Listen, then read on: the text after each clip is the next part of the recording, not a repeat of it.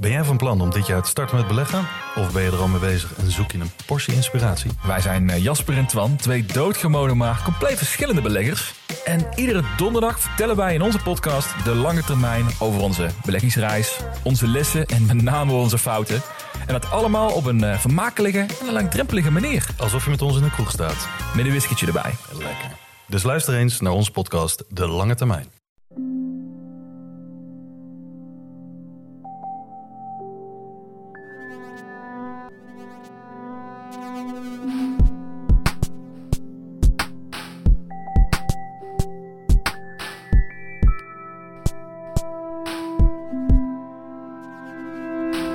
Dit is Relaas, waarin mensen een verhaal vertellen over iets dat ze zelf hebben meegemaakt. Dat zijn dingen uit het echte leven, maar die kunnen natuurlijk ook online op sociale media gebeuren.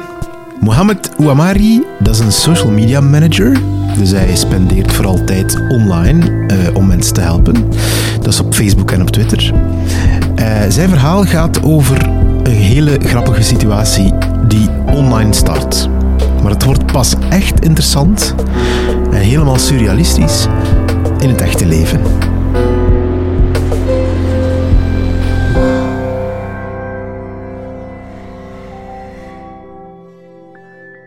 Ik ben uh, Mohamed, ik kom van Antwerpen. Uh, dus dat is zo over de Schelde, uh, die dikke nekken. Ehm, dus dat, ben ik. ik in het dagelijkse leven ben ik bezig met social media.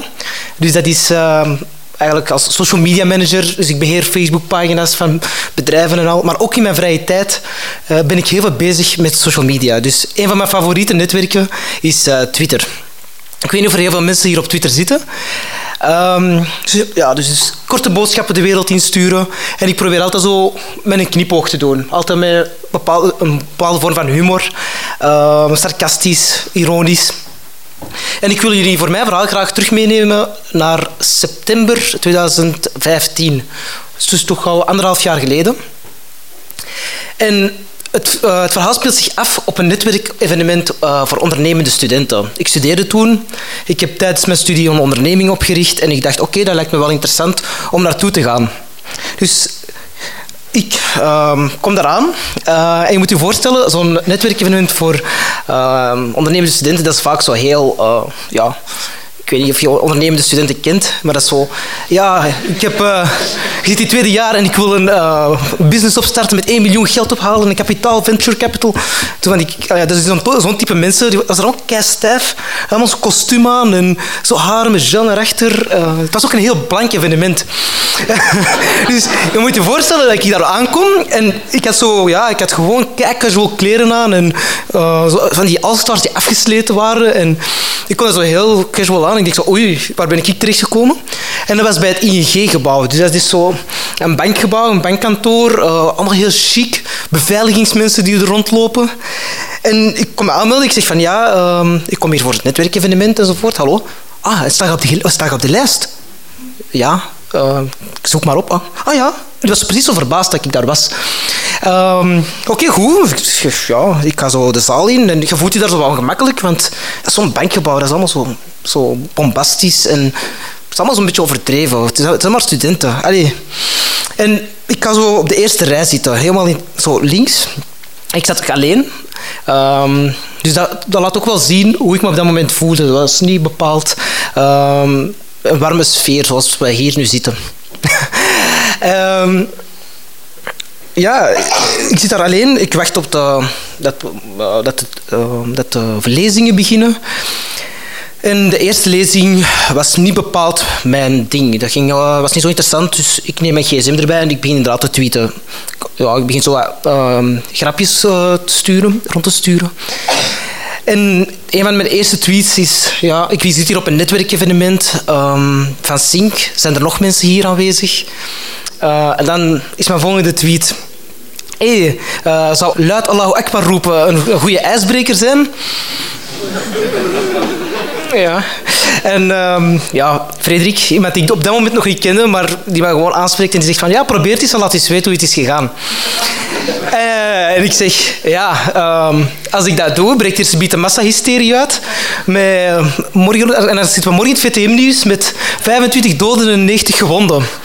Uh, en dan ja, En oh, we waren nog aan het lachen, er komen nog verschillende grapjes rond en mensen moeien zich ermee. Oké, en de volgende spreker komt dan ook op het podium en dan heb ik Twitter gelaten voor wat het is en het begon interessanter te worden. Uh, ik volg al die verschillende lezingen, waren een drietal. En de laatste lezing was dan gedaan. De gastspreker uh, krijgt een applaus, uh, wilt van het podium afstappen. En plotseling komt er een medewerker naar hem. Die fluistert zoiets in zijn oor. En je ziet je zo echt zo schrikken, zo uh, ik zei, oké, ja. Die, die wandelt zo terug naar zijn laptop, naar de computer. Uh, en die begint zo wat te prutsen zo, op YouTube. Uh, wacht, ik ben iets vergeten te laten zien. Oké, raar. En ja, en voordat ik het wist, hoor ik ineens... Derde rij links! En plotseling vier, vijf uh, mannen rond mij. Elk een arm hier. Uh, hier een politieagent, hier een politieagent. Twee achter mij, twee voor mij, met geweren op mij gericht. Uh, ene die in mijn, in mijn oren had, dat roepen. Waar is zo'n bruine rugzak? Waar is zo'n bruine... Ik, kom, ik ben niet met een rugzak afgekomen, dus ik zo... Ik heb niks bij. En die zo... Ja, ik zeg, ja, kijk de camerabeelden af. Zo. Ik weet niet of ik op dat moment zei, maar ik was echt... Het enige wat in mij opkwam was, alsjeblieft, schiet me niet neer. Dat was echt het enige wat ik kon bedenken. En ja, het was echt surrealistisch. Je ziet echt iedereen vanuit die zaal lopen. dus er wordt echt ontruimd. Er komen politiehonden binnen en dus zo die massahysterie waarover ik sprak, kwam gewoon uit. Raar. En op dat moment besef je nog niet, waar, waar gaat dit over? En dan, moet je, ja, dan word je uh, geboeid. En je moet je voorstellen, dat zijn zo van die rijen, dat is zo een auditorium met van die zeteltjes. En dan word je, worden je handen op je, op je rug geboeid, moet je zo uh, bukken. En dan moet je zo achteruit wandelen. Terwijl dat ze zo echt zo, ja... Uh, ik, dan word ik echt uit die, uh, uit die stoel gehaald en word ik tegen een muur gezet. En op dat moment begon ik pas te beseffen... Aha, die tweet. En ik begin te zeggen, nee, dat kan niet waar zijn. Dat kan niet. Nee, nee, dat kan echt niet waar zijn. Ja, ondertussen hoor ik, uh, met, uh, de dingen worden helemaal gesweept. Uh, bom, ehm, het bomteam komt eraan of zo. En dan denk ik, oké, wow, wat is er aan het gebeuren? En ik dacht, oké, dat gaat hier tien minuutjes duren of zo. Ze hebben een paar vragen voor mij en uh, ik moet dat hier even uitklaren. Nee, ik werd naar een combi gebracht. Um, ik werd dan in, zo in een, um, in een kooi gestoken, eigenlijk, in die combi, in de politiewagen. En ja, met een, een vaart reden we naar het politiebureau. Echt negeren alles. Stoplichten, zwaailichten, uh, sirenes. En ik zat daar zo van... Is dat echt allemaal nodig? Allee, waar gaat dit over? Maar dat komt aan op bureau. En uh, op het bureau is het standaard dat je zo, ja... Uh, je moet je uitkleden helemaal. Dus je staat daar voor een politieagent. Oké, draai je eens om. Oké, en dan krijg je kleren terug, uh, je schoenen, hebben ze bijgehouden. Um, en dan ja, uh, word ik uh, meegenomen naar de cel. En de cel is bij ons um, een, heel, een isolatiecel. Er is zelfs geen bed. Um, geen deken of niks. Dus in het hoekje is er zo'n klein uh, stoeltje. En ze zeiden van ja, uh, we komen nu direct halen. En de deur gaat toe. Oké, ik dacht, ik heb vroeger al zo op straat met vrienden en zo gehoord hoe dat eraan toe gaat bij een arrestatie. Ze zeggen, ja, we komen die direct halen, maar vaak is dat pas na drie uur. Uh, dus ik dacht, die komen mij hier echt niet uh, halen. Dus ik dacht, gewoon um, niet panikeren, blijf gewoon kalm. Je hebt niks misgedaan. Uh, dit is allemaal een misverstand. Maar toen dacht ik, ah, shit, mijn ouders en mijn vrouw. Die weten dat allemaal nog niet. Ik ben onbereikbaar. En mijn vrouw was die dag ook net vertrokken op driedaagse naar Parijs met school. Uh, dus, en we waren ook een maand getrouwd. Dus dat was ook niet echt bepaald een leuke start.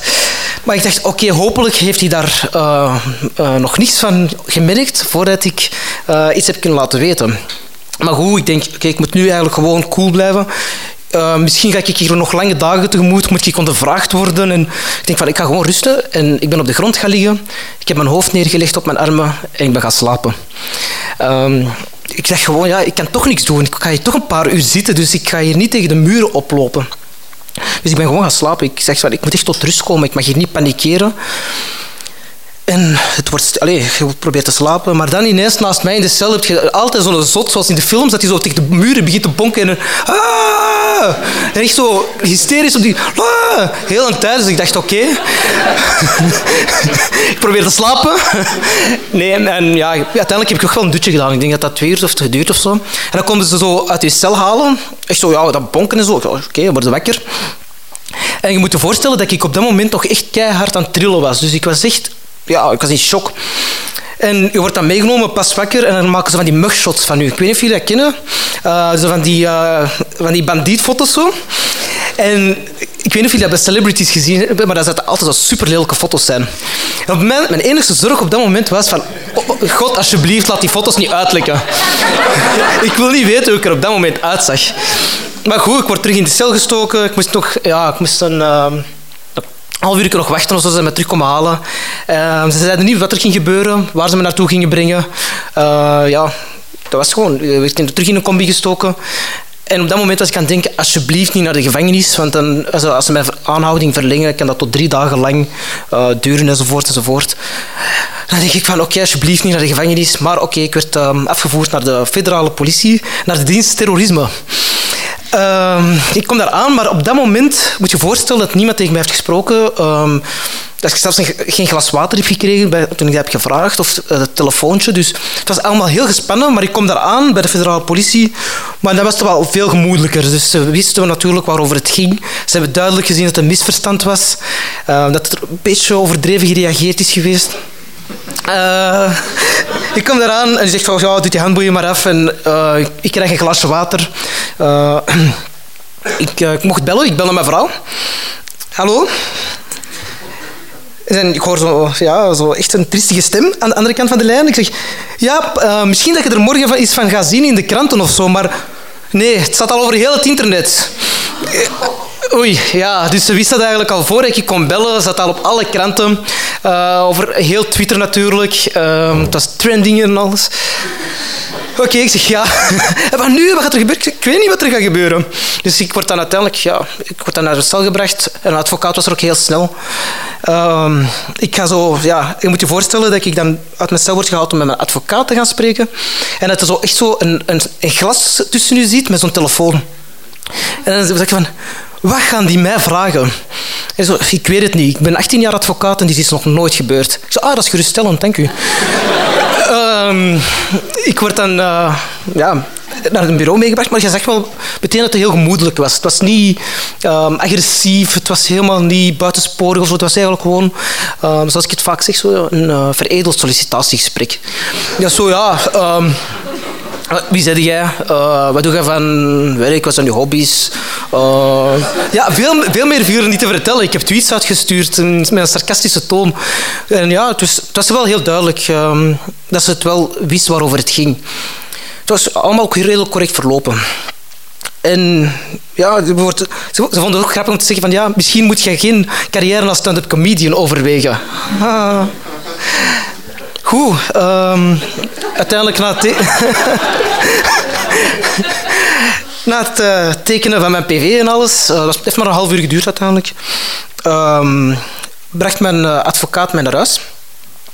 En ja, je zit in die auto en je bespreekt een beetje van ja, wat zijn nu de gevolgen, wat komt er hierna?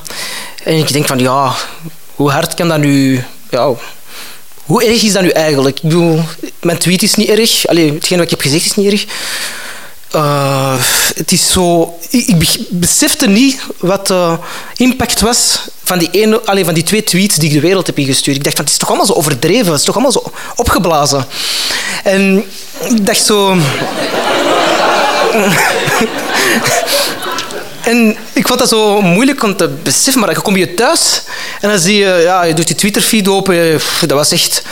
eh, ja, Twitter was ontploft, zoals gezegd. Dus dat was zo echt keiveel reacties, alle kranten. En ik dacht van, amai, dat is echt wel overdreven allemaal. En ook natuurlijk heb je de klassieke roepers langs alle kanten. Zowel uh, diegenen die zeggen van, oh, dit is overdreven. En dan heb je degene die zegt van, ja, dat is goed.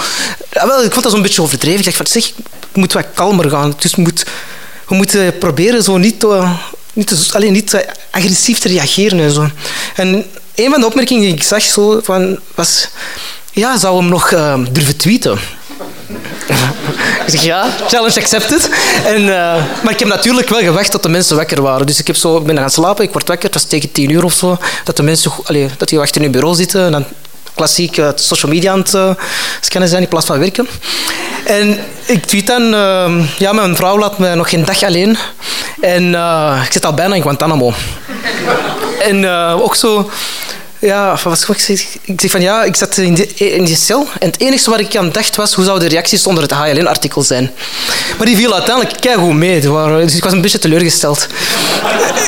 Maar goed, dus, en ik vond het wel belangrijk dat ik meteen dat statement maakte van kijk, uh, wat er ook gebeurd is, ik vind uh, humor nog altijd heel belangrijk. Het is eigenlijk in deze tijden dat je toch zo uh, heel, heel snel kunt polariseren, dat je heel, heel snel gaat um, agressief zijn en dat je mensen gaat aanvallen, dat je juist heel veel moet gaan nuanceren, dat je heel veel zelfrelativering moet voor de dag brengen en dat je humor moet gebruiken. En dat gaan ze echt mij niet afpakken.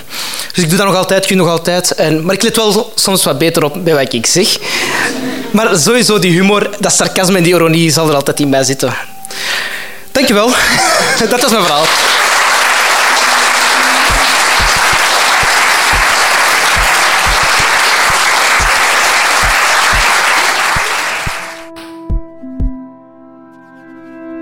Dat was het relaas van Mohamed Ouammari. Hij vertelde het gezellig, offline, in onze living in Husset in Gent. Elke maand vertellen daar vier vertellers voor een live publiek. Als je daar zelf live eens wil bij zijn, dan kan dat. Ga gewoon naar onze website of op onze Facebook en dan kan je zien waar de volgende relaasaflevering plaatsvindt. En dan kan je meteen ook registreren voor de volgende relaasaflevering. Wees er snel bij, want de plaatsen zijn snel uitverkocht. En als je meer wil weten over Mohammed, dan kan dat ook. Die mens is zeer actief online, dus je kan die zeker tweeten. En je vindt er ook van alles over Ophef. Ophef is een partij, een soort burgerbeweging die hij gestart is enkele maanden geleden, online ook. En die zijn van plan om een soort platform uh, te bieden in de richting van de gemeenteraadsverkiezingen van volgend jaar. Relaas bestaat dankzij twee belangrijke pijlers. Ten eerste natuurlijk het enthousiasme van een hele groep vrijwilligers. Ik noem ze straks bij naam. En ten tweede, dankzij Stad Gent. Zij geloven in onze culturele meerwaarde in de stad Gent. En daarom gaan ze ons nog een jaartje steunen. En ik wil ze daarvoor heel hartelijk bedanken. Dankjewel, Stad Gent. En dankjewel uiteraard Relaas Team, Marleen Michels, Philip Cox, Ruby Bernabeu Plaus, Dieter van Huffel, Sarah de Moor, Timon van de Voorde, Charlotte Huigen, Evert Saver, Sarah Latré, Stefan Grijhaert, Anneleen Schelstraten en ikzelf ben Pieter Blomme.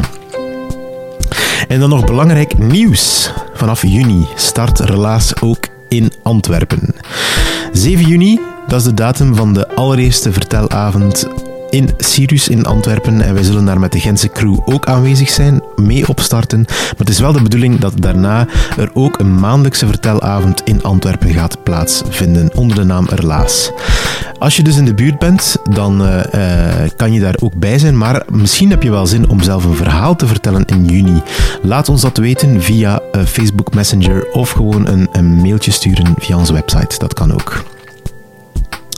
Ik wil ook nog eens onze partners bedanken. Dat zijn het Medialab en Studentenradio Urgent FM. En REC, dat is het talentnetwerk voor digitale verhalenvertellers. En doe ons alsjeblieft een pleziertje. Ik vraag het steeds opnieuw. Ik vraag het niet graag, maar misschien is het wel onze enige manier om te overleven. Deel een favoriet verhaal van de relaas online met je vrienden. Dat kan via Facebook, Twitter, Instagram, maakt niet uit.